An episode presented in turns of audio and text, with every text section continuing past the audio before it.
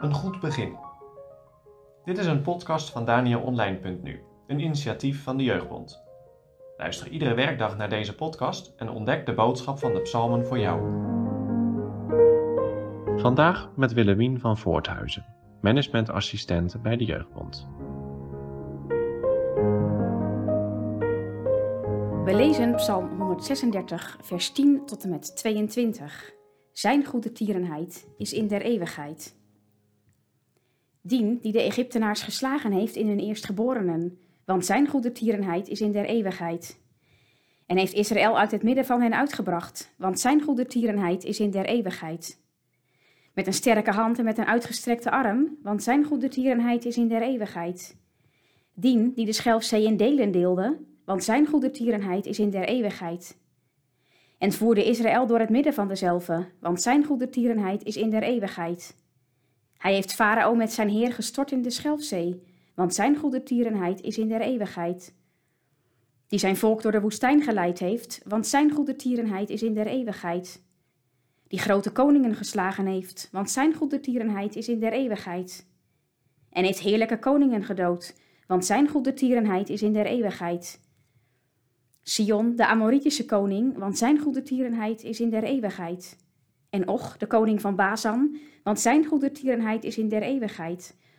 En heeft hun land ten erve gegeven, want zijn goede tierenheid is in der eeuwigheid. Ten erve aan zijn knecht Israël, want zijn goede tierenheid is in der eeuwigheid.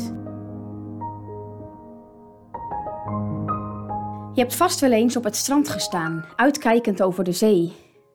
Of misschien wel ergens in het buitenland een wandeling gemaakt over de hoge rotsen langs de zee. Ik weet niet wat jouw gedachten zijn als je de zee overziet.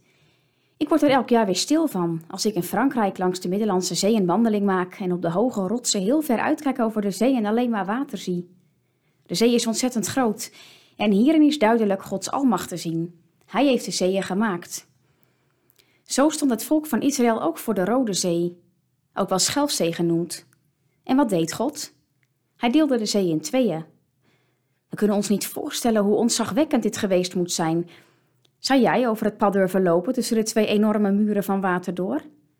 God verdeelde niet alleen de zee, maar gaf ook de moed aan het volk om daar door te trekken. Alweer zo'n voorbeeld van zijn macht. Anders hadden zij dit nooit gedurfd. Zo staat deze psalm vol met wonderen van Gods almacht. Het doel hiervan is de mensen op te roepen om God te loven voor al zijn goede tierenheden. Dit loflied is een beurtzang. Dit betekent dat het ene koor het eerste deel van een vers zong, waarop het andere koor antwoordde met het tweede deel. 26 keer klinkt het refrein, steeds na het noemen van een van Gods goede tierenheden voor zijn volk. Dit leert ons dat we voor iedere bijzondere gunst van God aandacht moeten hebben en Hem daarvoor moeten loven. Goede tierenheid is een van de belangrijkste woorden uit het psalmenboek. Het woord heeft veel betekenissen en wijst vooral op Gods liefdevolle verbondstrouw. In de berijmde psalm wordt het vertaald met gunst, het vrijwillig iets doen voor iemand omdat diegene hulp nodig heeft. Want zijn gunst alom verspreid zal bestaan in eeuwigheid. De dichter begint met de grote wonderen van de schepping. Dan volgen de versen die we zojuist hebben gelezen, de wonderen van de uittocht uit Egypte en de intocht in Canaan. Hij heeft de Egyptenaren geslagen, zijn volk uitgeleid, een pad gemaakt door de zee, Farao met zijn soldaten in de zee gestort, zijn volk door de woestijn geleid, veel koningen verslagen en uiteindelijk zijn volk laten binnengaan in Canaan. Wat een genade dat God zijn almacht gebruikte om zijn volk te verlossen. Dit hadden ze niet verdiend. Hoe vaak zijn ze boos op hem geworden en steeds weer opnieuw in zonde gevallen? Toch bleef hij trouw. Merk jij Gods goede tierenheid op in je leven? We zijn zo vaak geneigd om te klagen, zeker in deze tijd waarin alles zo anders gaat. Maar hij geeft zoveel goeds.